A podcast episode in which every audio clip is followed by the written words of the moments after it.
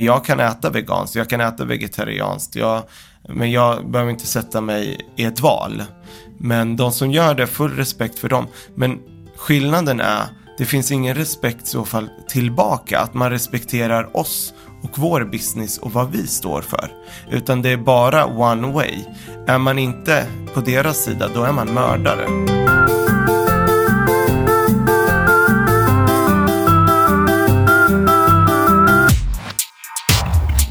Jag heter Roy Fares. Eh, jag bor För, förlåt, du får ta alla, alla namn, mellannamn också om det... Om Nej, jag har inga mellannamn. Du har inga namn? Nej, jag heter bara Roy Fares. Du vet, i Mellanöstern, vi har inte så här mellannamn som i Sverige. Ja. Här var det ju typ tio stycken. Karl, Johan, Gustav, Felix, Andersson.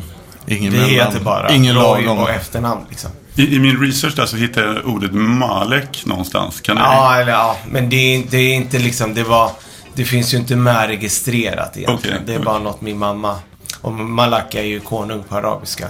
Men det hade känts konstigt att heta Roy, kung, Fares. Oväntat. Vilket jag är, men nej, men jag skojar. Nej, jag heter Roy Fares. eh, Jag är 33 år gammal. Jag bor i Stockholm här i city. eh, Med min sambo Johan. Jag driver Mr Cake. Eh, Jag har ja, gjort fem stycken bakböcker, lite tv-program och sådär. Jag har inga djur. Även om jag kan tycka det är jäkligt kul att rida och sådär. Har jag gjort sedan jag var barn. Eh, inte jätteofta just nu, men önskar kunna ta upp det. Jag heter Mattias Ljungberg, eller Mattias Erik Ljungberg. Ja, du ser. Eh, Jag bor på Kungsholmen i Stockholm. Och eh, jag driver Tussebageriet och Mr Cake. Bland annat varit med i kocklandslaget och konditorlandslaget. Vunnit årets konditor, precis som Roy. Och jag är 45 år gammal. Har två barn, Tyra och Ellie. Och en hamster som heter Semla. Och en fru också. Ja, det, det har jag ju faktiskt. Det är ju, han har bara barn och hamster. Ja, men det är ju familjen. Creepy family, så barn och hamster. Min fru Linda. Såklart hon ska vara med. Det blir ju lite annorlunda poddavsnitt. Vi kommer inte prata så mycket krog idag. Istället så blir det ju mer då förmodligen om semmelwraps, tårtor, kaféer och bakböcker. Men jag måste i alla fall fråga er eh, om ni får säga en bra krog i Stockholm som ni vurmar lite extra för. Vad blir det då? Alltså den, svår, den frågan får man ju rätt ofta tycker jag. Just eftersom vi är i branschen. Jag tycker det är jättesvårt. För jag tycker att det kryllar av bra mellankrogar. Alltså i Stockholm. Det beror på helt och hållet faktiskt vad man är sugen på. Ja, men, om, det är på riktigt. Ja, jag har men- svårt att så här välja just en. Men du får välja två då. Men om du bara ska gå upp till en vanlig Ja, men jag kväll. kan så tycka AG är väldigt härligt. Eh, och sen så kan jag tycka att... Eh, nu var jag faktiskt på Portal häromdagen. Eh, och jag tyckte det var väldigt trevligt. Håll Sankt Eriksplan. Ja. Mattias? Ja, jag, jag måste ju nästan liksom dra igenom alla mina kompisar. Lilla Ego, givetvis AG och Rolf Kök. Eh, annars får jag dem på mig. Men det, det är väldigt bra krogar och jag går ofta dit. Men just nu är faktiskt min favorit eh, hantverkare. Stefan Ekegren, han trollar med mat. Alltså, det är så himla bra det han gör där. Det ligger liksom lite anonymt där på Sturegatan. Man, man får gå upp en bit från Stureplan. Ja, och... Eh, Men det är värt Det är värt den lilla korta promenaden från Stureplan varje dag i veckan. Ni pratade själva om att, att du hade fått ett eh, svar här på ett in, inlägg om veganism Mm. på, på, på din eh, Insta. Nej, men jag måste med, alltså egentligen, utan att trampa någon på tårna, men det är också så här. Häll inte mera bensin på elden nu Roy. Nej, men det ska jag inte göra. Men jag kan tycka någonstans så här. Lite, lite det var det. Lite bensin. Nej men alltså vi är ju två privatpersoner som har valt att öppna ett koncept. Ett koncept som vi tror på. Och i det här konceptet vill vi baka produkter som vi tycker om. Och som vi vill erbjuda våra kunder. Och man måste ju någonstans också så här nischa sig. Vad är det jag tror på och vad är det jag tycker om och vad är det jag kan stå för. Sen kan jag tycka så här, allergier till 100% det köper jag. Och det, det, det är någonting vi jobbar väldigt mycket på att ändå försöka erbjuda att det finns nö, nötfri, laktosfri, eh, glutenfritt, för att det är någonting inte, man kan inte rå för liksom. Och det kan jag tycka, då vill man ju ändå erbjuda dem också att kunna fika. Men när det kommer till att vara vegan, och jag har full respekt för människor som väljer att vara vegan. Jag menar, jag kan äta veganskt, jag kan äta vegetarianskt. Jag, men jag behöver inte sätta mig i ett val. Men de som gör det, full respekt för dem. Men skillnaden är, det finns ingen respekt i så fall tillbaka. Att man respekterar oss och vår business och vad vi står för. Utan det är bara one way. Är man inte på deras sida, då är man mördare. Och det är väl lite där jag kan känna så här, man måste någonstans ändå kunna respektera varandra för varandras val. Och speciellt i Stockholm idag, det finns ju rätt mycket ställen som är specialiserade på det. Vi, Men- vi har ju ändå eh, försökt att möta den här med att ha veganska alternativ. Eller för de som är laktosintolerant eller gluten, eh, inte tål gluten. Eh, ändå så får vi ganska hård kritik. Att det står det flera veganska bakverk framme på disken. Har ni inte flera? Ja, alltså, kom igen. Det, det, vi förväntar oss inte att få någon medalj, men åtminstone respektera att vi försöker möta det här och vi har en business som vi tror på. Precis Ja, men det handlar ju i grund och botten om respekt. Respekt för varandra liksom. Jag respekterar dig, du respekterar mig. Men, men, men bara eh, så att jag förstår. Insta-inlägget handlar om att ni har för få produkter som är... Mm, men jag, jag har råkat ut nå- några gånger nu för att få dålig kritik och få dåliga betyg. Eh, och som jag inte tycker liksom egentligen det finns. Jag kan säga Finns det grund för typ att vi erbjöd dålig service? Eller att vi eh, något av det vi gör och är specialiserade på inte håller kvaliteten eller någonting där vi kan förbättra oss. Men att bara ge dåligt betyg för att man har gått in med den inställningen till att det inte finns något veganskt. Mm.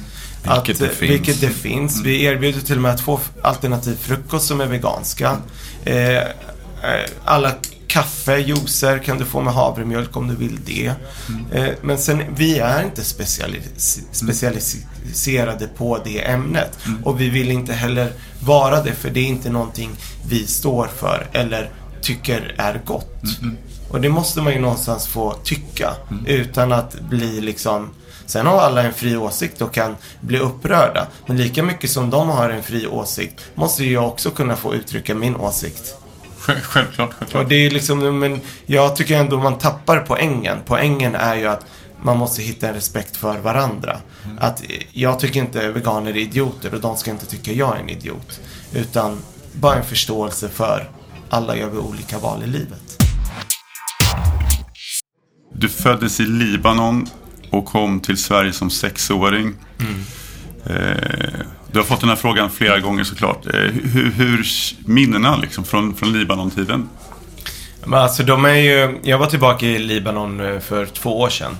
För första gången efter 26 eh, år, eller vad blir det, 25 år sedan.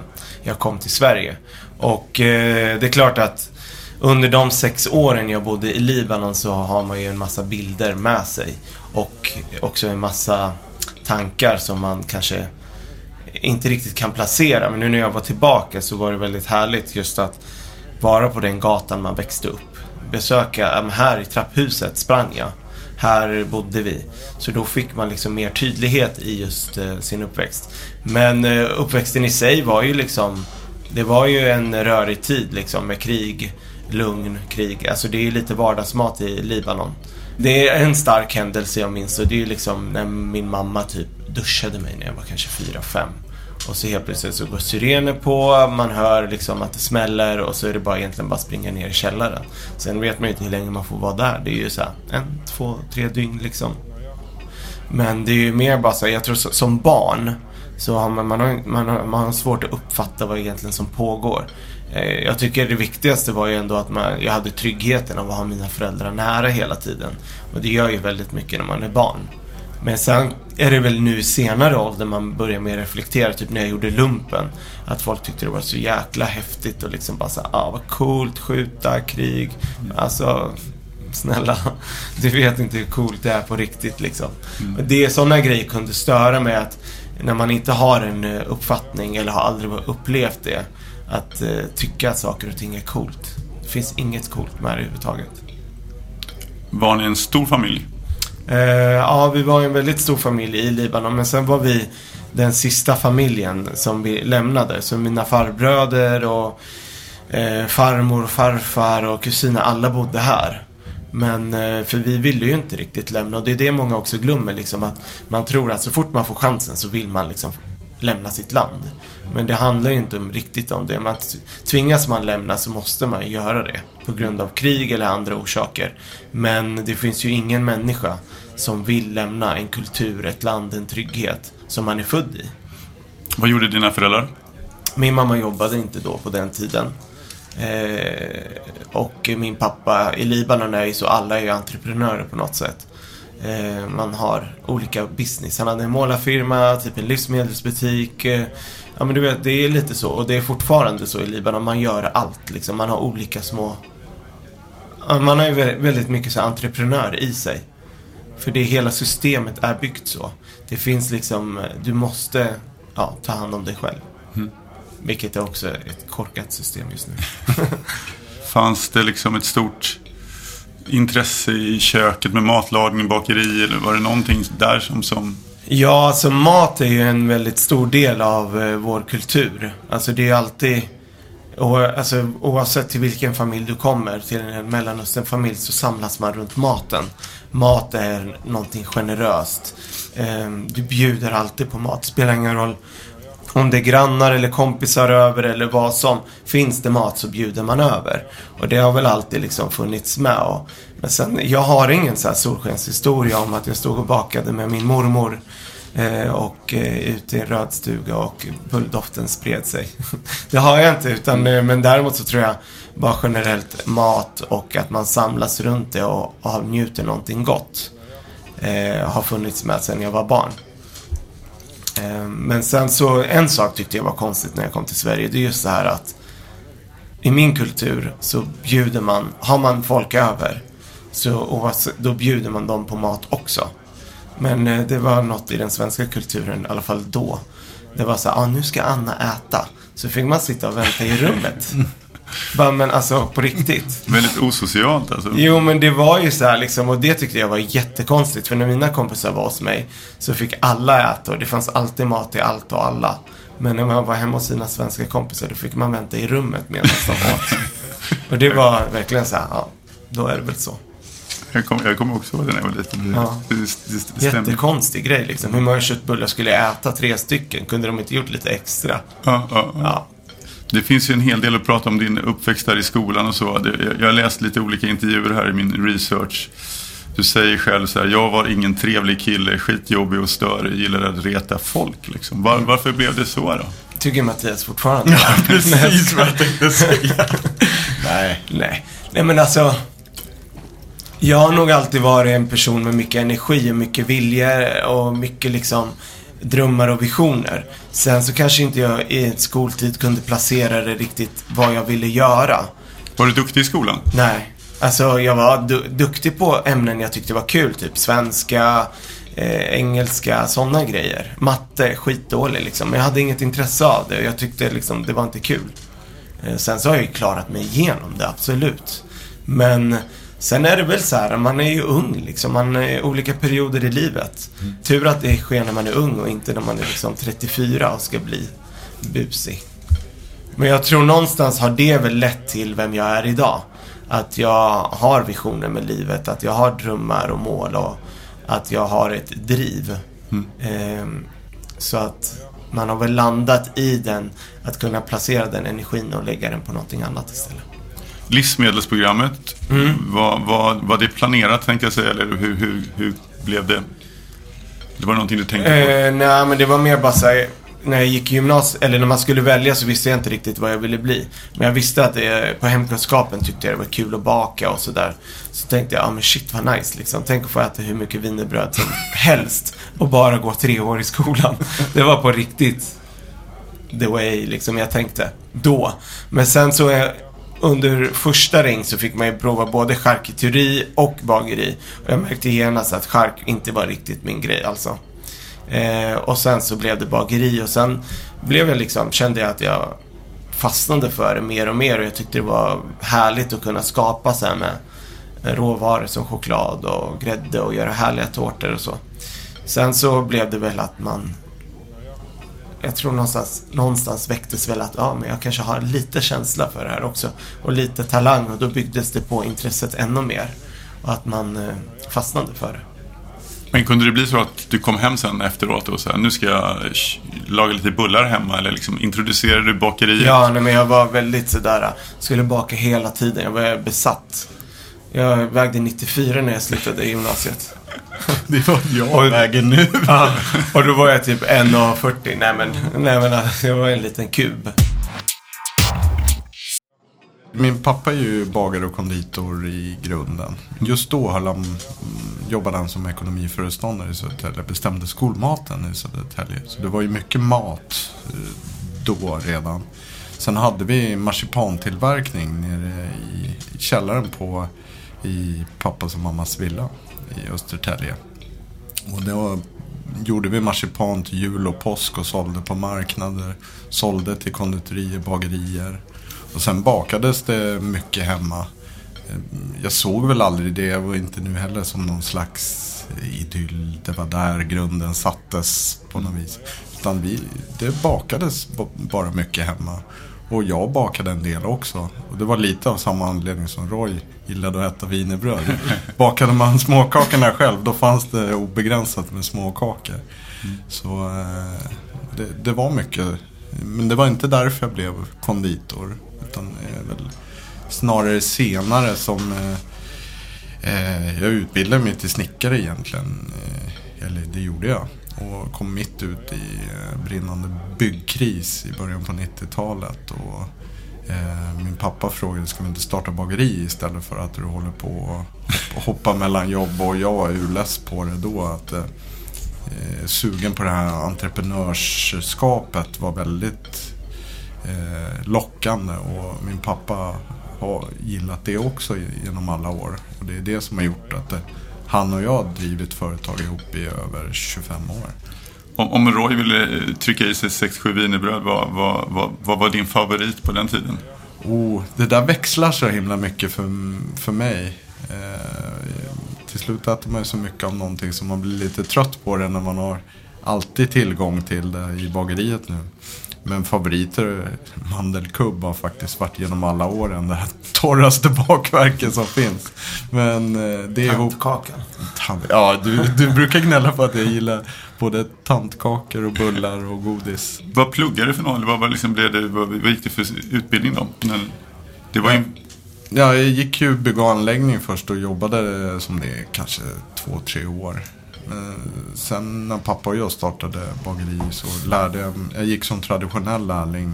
Eh, först ett konditoribageri vi öppnade i Södertälje. Drev under bara några fåtal år tills vi köpte Tössebageriet. Då gick jag med pappa och de som var anställda där då. Eh, som traditionell lärling. Och senare tog jag gesällbrev som traditionell lärling.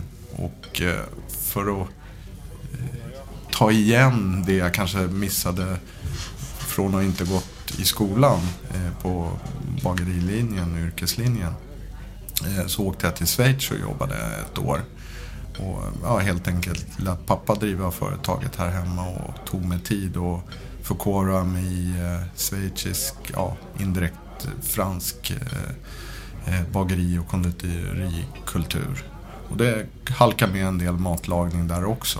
Mm. Ehm, och efter det, så, man blir ju aldrig fullärd men det kändes, där var verkligen ett steg. Det var en dörröppnare. Jag såg att det fanns en hel värld utanför Sverige där det hände väldigt mycket. Eh, på just bageri och konditorisidan. Eh, våra vägar började korsas 2005. Då jag vann eh, SM för unga bagare. Och eh, fick jobberbjudande på Tusse. Så det var egentligen så det började. Mattias blev min chef. Mm. Men då fick jag jobb som bagare. Okay, första ja. mm. tiden. Mm. I ett halvår. Mm.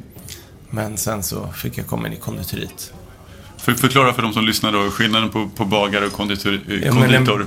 Bagare börjar ju till exempel tid först. Mm. Det gäller ju att baka av bröd och jobba med degar och bullar och sådana grejer. Då snackar vi halv fyra eller vad? vad- Ja, ja men eh, man behöver gå upp i alla fall så att man är, när börjar fem. Ja, Ja. då, då tror jag vi började fyra. Ja, så till och med. man får ju kliva upp halv tre, tre. Ja, beroende på vart man bor liksom. Men, eh, och sen så, men en konditor började ju sex. Och det var ju liksom ändå helt okej. Det är skönt Sen att du jag- väljer jobb efter Nej, tid. men jag har ändå alltid haft det. Jag älskar bullar och bröd också. Men jag har alltid mer haft ett intresse för bakverk, liksom. Bakelser, tårtor och sådana grejer. Eh, så att, det är även om jag vann SM för unga bagare så var det inte riktigt det som jag ville bygga min styrka på. Eh, kommer ni ihåg första gången ni var med i TV? God kväll var det första och där är det ju som att- alltså nu är det ju- jag var ju med på lördagar och vi gjorde alltid det på torsdagar. Men det är live on tape liksom. Så att det är ju som live. Det finns ju ingen återvändo. Och det är också så här, att baka där du inte får vispa eller låta. Eller, ja men du vet, Det finns regler så Ja, men det går ju inte för det är en studio liksom. Och medan du står här så har de en intervju där borta. Och då, så det är också sådana här grejer. Men man, man lär sig, alltså det man får lära sig med TV det är mer att lägga upp arbetet. Att man har något moment att göra när man är i bild. Som är, ja, ska leda till någonting annat. Så det, hela den är ju liksom bara att lära sig lägga upp arbetet. Men jag kommer ihåg en gång när jag skulle vispa maräng. Då hade jag marängen utanför studion och skulle liksom in i studion, göra min grej. Sen skulle jag ut och sköta marängen. Och sen så kollapsar hela marängen. Och sen ska jag in och det är min tur och det är dags att spritsa maräng. Det är liksom fyra minuter med att spritsa maräng. Det var ju bara liksom så här, hälla i florsocker och vispa som fan. Och så jag bara kände så här, ah, bort nu, bort. Jag bara såg all maräng. Ja. Men det går att lösa allt.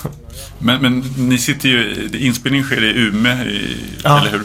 Men blir ni som en liten familj där med redaktionen och personalen? Eller hur? Ja, men absolut. Och det, det var en jättelärorik period också. Just tv-mässigt och alltså Norrlänningar är ju otroligt fina människor. Nej, men jag har bara träffat trevliga norrlänningar och när man kommer upp till Umeå så ja, men det är som en liten familj och det är jättehärligt och de tar alltid hand om en. Och sen så är det kul. Man, man lärde känna mycket gäster som, för man flyger från Stockholm tillsammans allihopa. Så att jag fick ju möjligheten att träffa liksom ja, men alltid författare, artister. Jag träffade Sara Larsson liksom när hon släppte sin första låt när hon var jätteliten liksom. Så att eh, det är kul. Det är ett kul program just för att du får träffa väldigt mycket folk också. Mattias, försöker du liksom smyganmäla Roy till Let's Dance?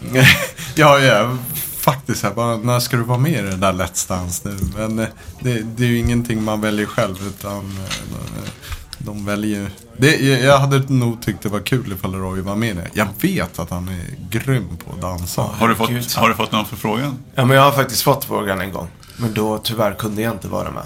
Okej. För det är ett hel, heltidsjobb. Ja, Och jag satt in i en, annan, en inspelning då, så då går det inte. jag förstår. Men, men vi, vi jag- kan hoppas fortfarande. Jag har Ja. sagt att vi, jag ställer upp och jobbar istället för han ifall han är med i det. Herregud alltså. Mattias, eh, det stora tårtslaget. Mm. Jag, jag måste erkänna att jag och min sto, son här är ett stort fan. Vår eh, favorit, eh, Josefin Jönsson, hade Ja. vi som favorit. Det blev ju Jenny som också var duktig. Ja, Eh, vil, eh, jag, jag börjar med frågan, vilken tårta minns du mest? det är ju mycket från senaste säsongen men eh, det är ju några, de här väskimitationerna blir ju ofta väldigt precisa och eleganta och eh, verklighetstrogna. Och det har ju varit flera stycken sådana och det är väl de som man imponeras mest av. Det ligger ju ett väldigt hantverk i att få fram texturen av eh, Eh, eller ytan av eh, krokodilskins eh, väskor och liknande. Få med dragkedjor och detaljrikedomen är ju enorm. Eh, så det ligger ett oerhört hantverk bakom det de gör. Och utöver det så ska man göra en tårta som smakar gott. Alltså det är ju det är en ganska svår uppgift på åtta timmar som faktiskt har på sig. Eh, många tror ju att eh, de står och gör det alla minuter på några timmar. Men det är, de står och svettas och har ångest för att vinna eller förlora och kanske inte ser bra ut i TV och så vidare. Det är ju enorm press att stå framför kameran. Så jag är imponerad varje säsong. Berätta lite, hur, hur ser liksom en, introduktionen ut? Liksom? Det är som du säger, det är ju väldigt lång inspelningstid. Eh, eller, alltså, de har åtta timmar på sig. Ja. Är, är, du med och bestämmer koncept och, och tårtor? Eller liksom, hur, hur, har ni så redaktionsmöten då? Ja, jag, jag har faktiskt fått förmånen att sitta med innan produktionerna och säga mitt och tycka till om temana som bestäms för varje program. Till exempel nu ska vi ha eh, verklighetstrogna saker. Nu ska det vara konst eller om det ska vara någon speciell artist man ska göra runt. Så det har varit väldigt kul att få säga sitt. Vad som är med och skapa intressant TV helt enkelt. Men umgås ni lite med deltagarna eller håller ni liksom separata skottar? Eller? Då, produktionen försöker få att vi inte umgås för mycket. Vi, vi ska ju inte bli kompisar med Nej. dem då under tävlingens gång. Eh, för det får ju inte bli någon jävsituation där att det, var, ah, det där var en skön lirare. Mm. Honom eller henne ska vi lyfta upp. Eh, men efteråt så, jag hade till och med vi har anställt en av deltagarna kör in på eh, Mr Cake. Eh, så visst, man, man blir kompisar efteråt och lite kommentarer på Facebook, Instagram och ha kontakt på så vis. I de här programmen så är jag, jag är en ganska lugn person liksom. Och, eh, men det, det, var någon gång när jag gick igång på alla cylindrar. Det var en stackars tjej där som, som hade gjort en väderkvarn eh, som skulle vara holländsk tema. Det var länder då. Eh, hon hade målat en eh, vit och blå en väderkvarn. Och, i mina ögon, jag visste ju inte att Holland hade ett eget slags porslin som det var spot on. Hon var ju helt rätt ute. Mm. Men i mina ögon såg ju det där grekiskt ut. Så jag gick ju igång på alla cylindrar och sågade henne med fotknölarna. Bara, Hur kan du göra det här? Det här har du tänkt helt fel. Och eh, producenten ropar, ja, hon är ju helt rätt ute, sluta såga, hon börjar ju nästan gråta. Eh, Hur löste du det? Ja, jag fick ju krypa till kors och säga, alltså jag var dåligt påläst. Tystnad, eh, tagning! Varsågod. Varje månad behövs tusentals statister Statist.se har uppdrag till dig som vill vara statist, skådespelare, modell eller tv-publik. Hitta ett roligare jobb redan idag på statist.se. Tack så mycket, där satt den. Jag ska prata lite om böcker innan vi kommer till Mr Cake. Jag börjar med Mattias, kort fråga. Är semlan en semla? Ja, svarar jag på det. Jo, eh, sem semlan är en semla. Det, det, är ju ursprunget. Det är ju den klassiska semlan som vi ser den. Mm. Eh, titeln på min bok då är Semlan en semla. I meningen att vara lite provocerad, mm. provocerande. Det, det är väl för hela den här semmelhysterin, hypen som har varit de senaste åren har ju varit provocerande för en del. Mm. Eh, och det är väl för att pusha det lite längre och ställa frågan kan man göra en semla så här, så här eller så här? Jag tror det är 45 olika varianter på semlor som är med i den boken. Mm. Eh, ja, så svaret är fortfarande nja. Vad har du fått för respons på boken? Liksom? Det no har det liksom dykt upp någon favorit, som, någon otippad favorit nu när du har så många varianter?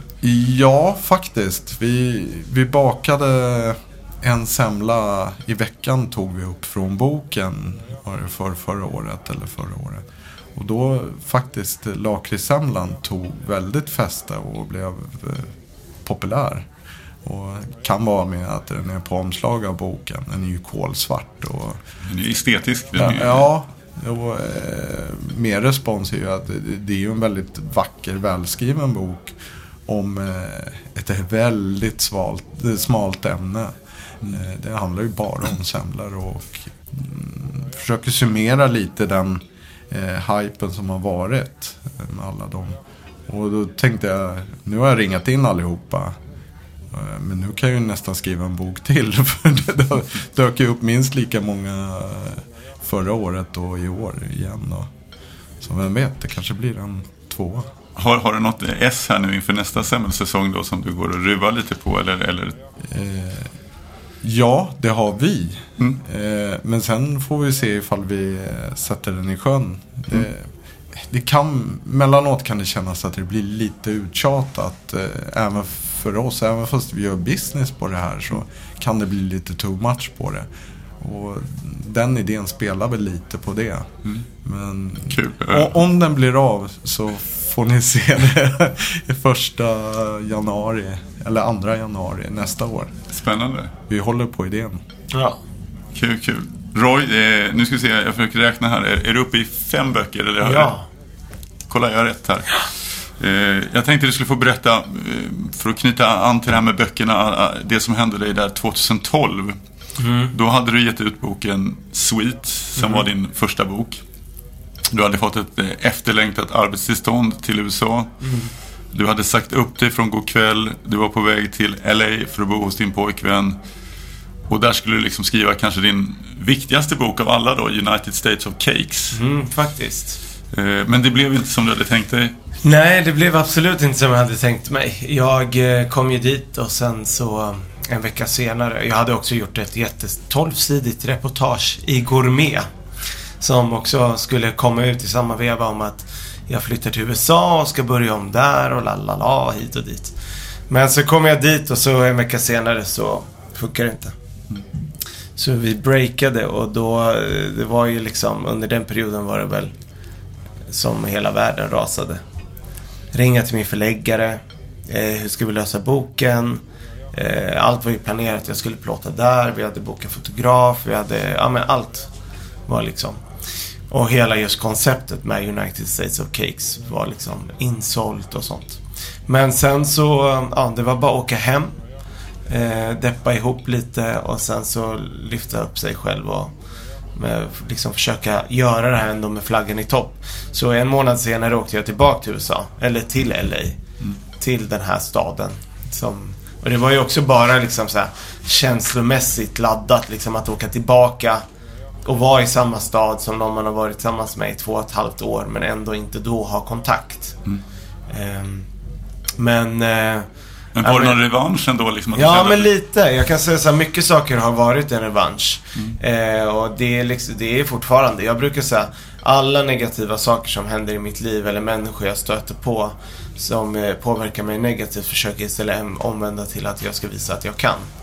Och det har också med att göra, bland annat med att öppna eget och sådana grejer. Och det var väl lite revanschlust liksom att, ja men jag ska inte låta någon sån här händelse eller det personen stoppa liksom mina drömmar och visioner. Så jag- det var bara att bita ihop. Jag åkte tillbaka och så gjorde jag min bok. Och eh, man kan säga egentligen den eh, olyckligaste tiden i mitt liv blev min bästa tid i mitt liv. För att den boken har tagit mig rätt långt. Den har kommit ut i fem länder. Den har vunnit eh, Best in the World i kokboks-VM. Eh, ja, det blev ett tv-program. Och satte grunden lite för Roy Fares, tror jag. Mm. Så, ja. Men det är också svårt så här kanske just då veta så här, man, men eh, det är ju oftast i svåra situationer det blir bättre. Det låter klyschigt. Men man kanske inte vet vad det är då. Just då. Allt sker av en anledning. Jag förstår. Du låter ju liksom hoppfull och glad nu i perspektiv då. Mm. Men då, jag förstår att det var hemskt jobbigt vid den tiden. Men, men, men, du skulle träffa din pojkvän och, och på den tiden så visste din familj in, ingenting Nej, om det här. exakt. Var det inte liksom svårt då med det här hemlighetsmakeriet? De måste, kände de inte på sig någonting eller anar Jo. de inte någonting? Eller? Men det gör väl alla föräldrar på något sätt. Men som jag sa till min mamma, vadå, har du inte liksom anat? Jo, men det är klart de har anat, men de har ju levt i en förnekelse. Och nu när jag väl kom hem så kände jag så här, nu på riktigt kan det ju inte bli värre. Så jag bara ringde och berättade. Och det var ju också så här, hon bara la på i örat.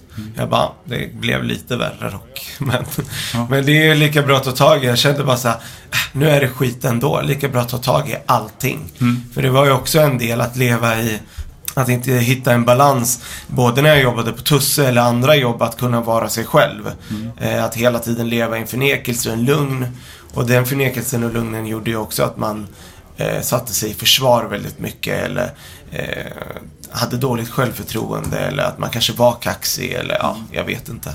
Idag är jag mycket mer relaxed i vem jag är liksom. Men att du väntade så länge och berättade för, för, för familjen, är, är, är, det jobbigt liksom? Och, och, och, Nej, men jag tror bara så här liksom... Alltså, var sak har ju sin tid och jag tror man måste få bearbeta saker och ting själv också innan man kastar ut sig saker. Och just då kände jag mig inte redo, men nu var jag ju redo liksom. Och jag tror också, det, först måste man ju få deala med det själv liksom. Det är ju inte så här, eh, jag har inte valt den blommiga vägen, utan man väljer lite den svårare vägen. Alltså det är, blir ju liksom lite svårare. Även om vi bor i Sverige så, men det är ju liksom, det är en avvikelse från samhället. Och det är väl att lära sig själv först att acceptera det. Innan man ska få andra att acceptera det. Men sen, jag har aldrig varit liksom så här, göra en stor grej av att eh, komma ut eller eh, jag brukar säga till så här, när kom du ut för dina föräldrar att du är straight?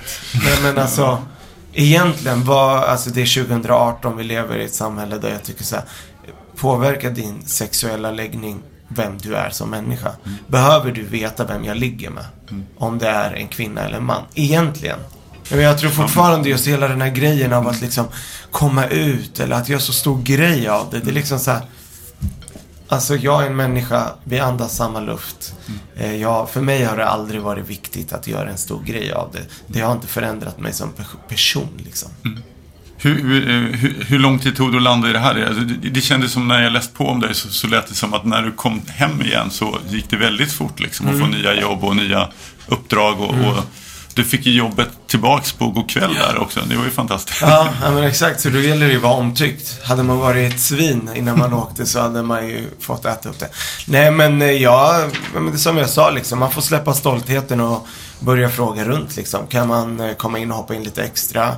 Eh, ja, men göra grejer. Men sen bestämde jag mig nog att okej, ska jag jobba som konditor och göra det jag vill, då måste jag vinna en tävling. Och det är Årets konditor. Och eh, det var då liksom jag bestämde mig, nu får jag köra all in eller göra någonting helt annat. Och då frågade jag, jag tror vi bara satt och fika en gång. Jag bara, ah men fan, ska vi inte göra någonting ihop som bara egentligen skämt lite? Och då sa du, ja men varför inte? Och sen så började vi snacka där och sen så ja, landade vi i eh, Mr Cake. Och det är ju också hela namnet är ju MR, Mattias och Roy och vad vi gör är Cake och vi är två Mr. Så då blev det det.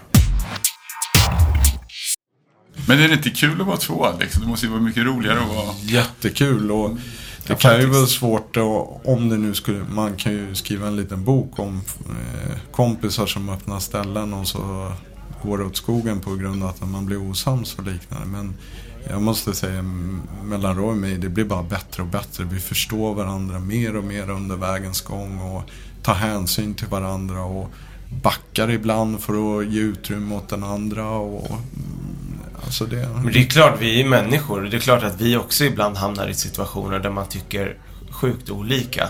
Men vi har alltid någonstans här, kan man resonera till varför det här är viktigare än det här?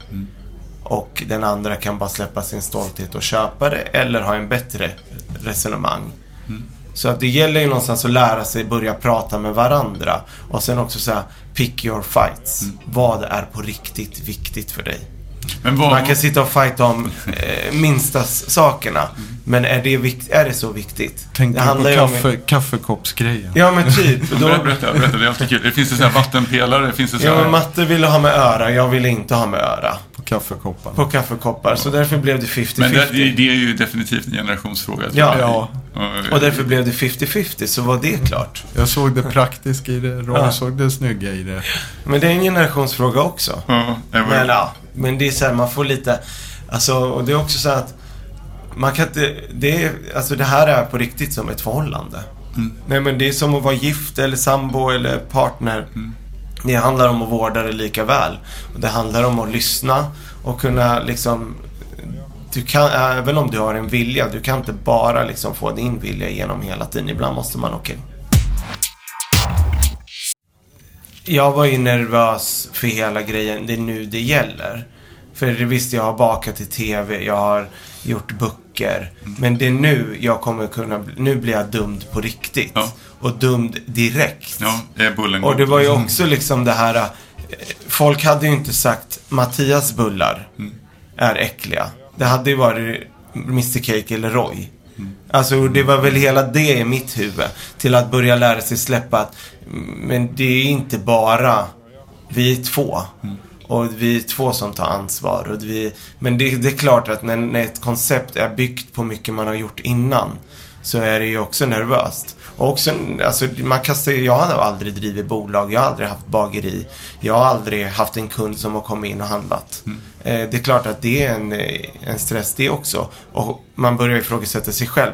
Eh, lever jag upp till det här folk förväntar sig? Folk har liksom ibland lyft upp en till att vara någon kakkung eller eh, ja men du vet hela och för mig, jag, är, jag måste ändå säga, jag är faktiskt rätt ödmjuk fortfarande i den Ja men det är jag. Jo. Jo men det, nej men absolut, jag uppskattar Emellanåt. jättemycket.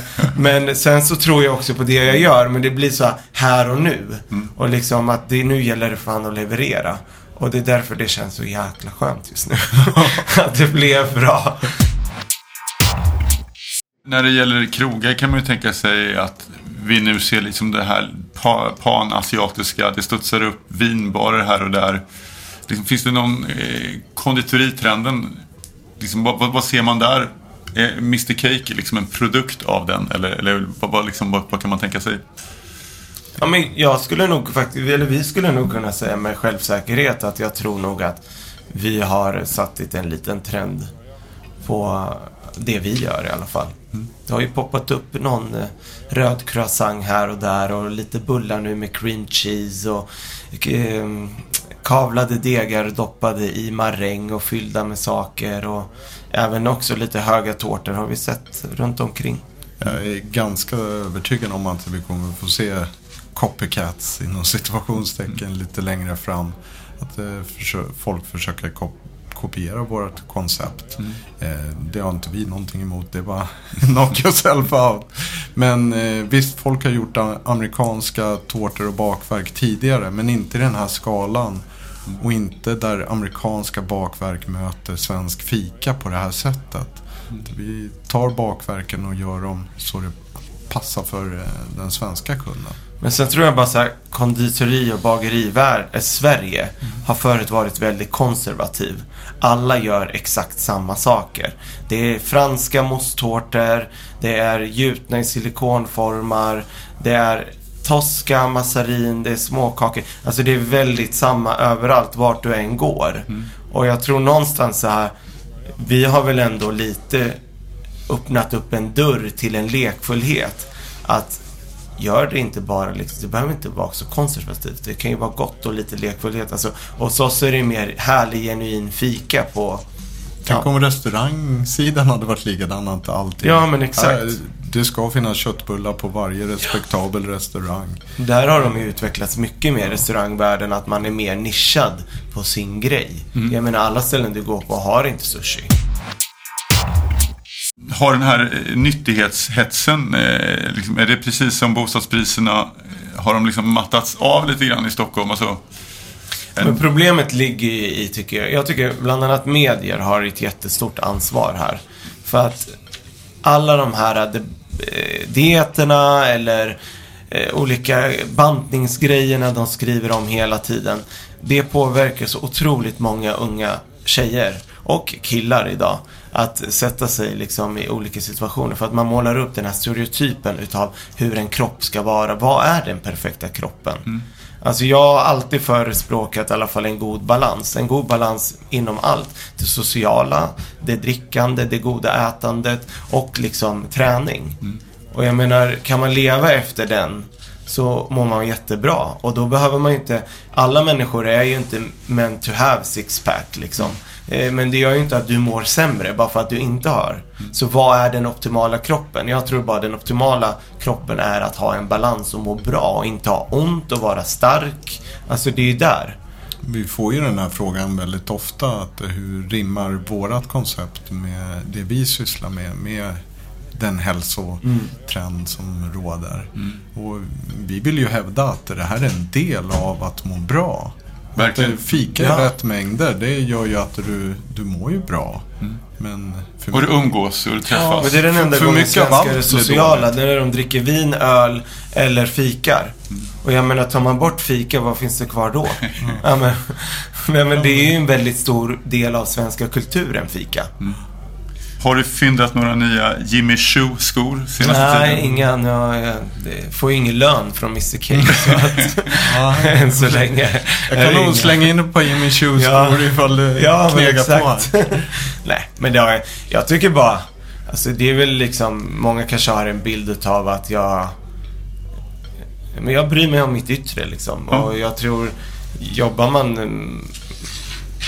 mm, Mår man bra med sitt yttre och klär sig snyggt och trivs med sig själv så utstrålar man ju också eh, en självsäkerhet och man mår bra liksom. Alla gillar väl att känna sig snygga och känna sig i form Verkligen. och vara pigg liksom. Sveriges bäst klädda man. Ja, men exakt. 2000. 16? 16. Eller? Ja, Ja. ja, ja. Grattis. Ja, men tack snälla. Det är, nej, men det är faktiskt eh, sju, alltså det är, då är det ett fint pris av L att få det. Och att jag fick det som konditor, det tycker jag ändå är rätt kul.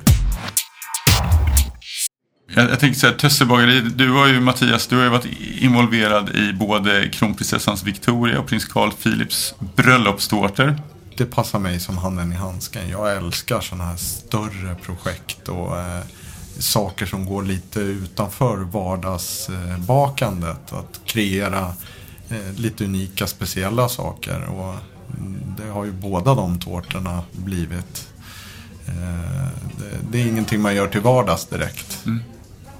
Vad heter det, men, men för någon liten dialog där eller har du liksom, får du liksom någon, någon sorts respons på så här, vad, vad ungefär åt vilket håll du ska...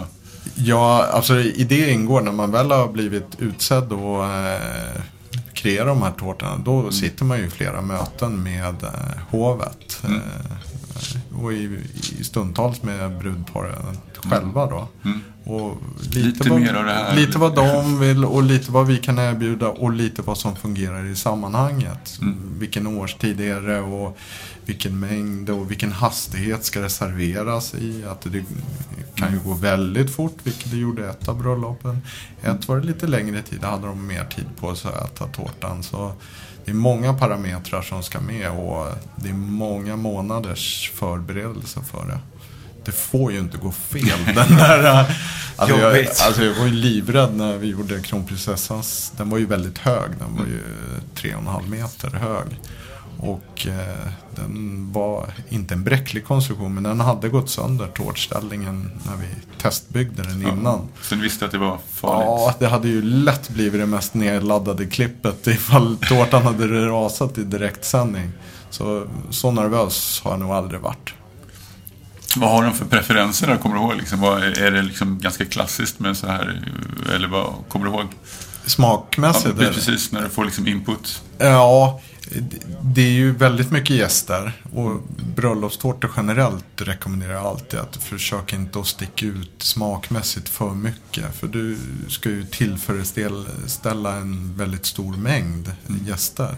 Alltså allt från 2, 3, 4, 500 gäster. Då är det väldigt få som kanske Ingen lakritstårta. Nej, palsternackor eller vad det nu är man ska blanda i tårtan. Det, det får inte se, smaka konstigt helt enkelt. Så det blir lite basic smaker. Men ändå kan man ju twista till det och göra så absolut gott man kan av de sakerna man väljer ut. Men Carl Philip önskade ju sig en speciell. Ja, Råvara. ja där, där faktiskt var deras. De vill ha vad heter det? På, vad heter det? Pop Rocks? Pop rocks. Nej, vad roligt. Och smäller i munnen. och Bara som en överraskning. Och det var ett väldigt kul bröllop. För de, de ville verkligen köra sin grej. Fast det är kungligt och ganska så strikta ramar vad man får göra och inte. Men det var så kul att de var väldigt drivande i vad de ville ha för typ av bröllop och för smaker och för utseende. Utseendemässigt tog vi ut svängarna jättemycket.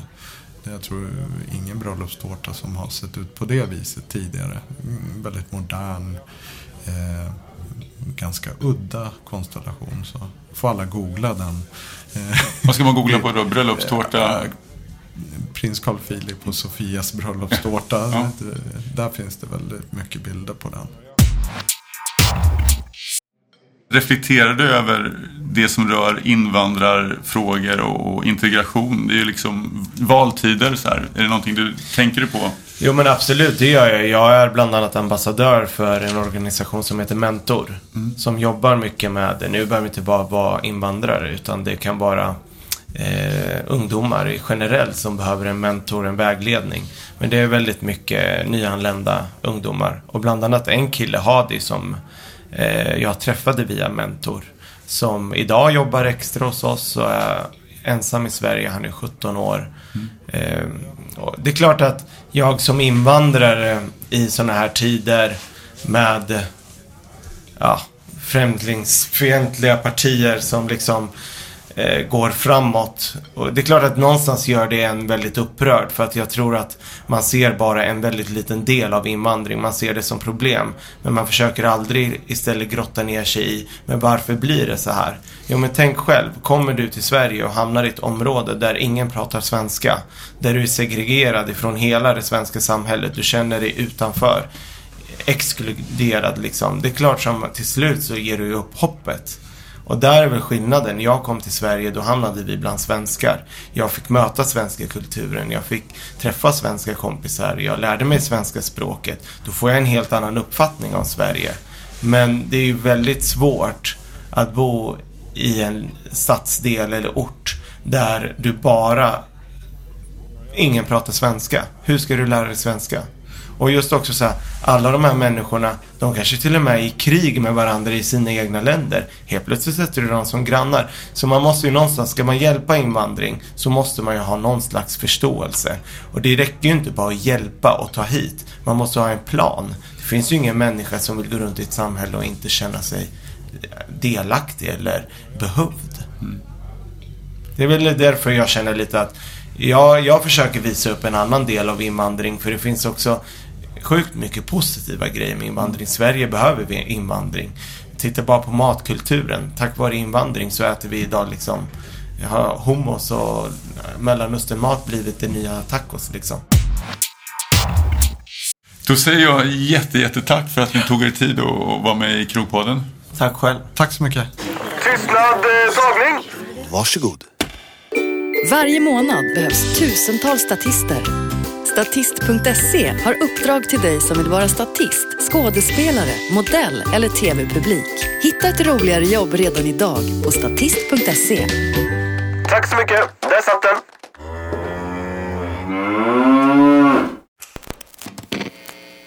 Podcasten produceras i samarbete med Poddbyrån.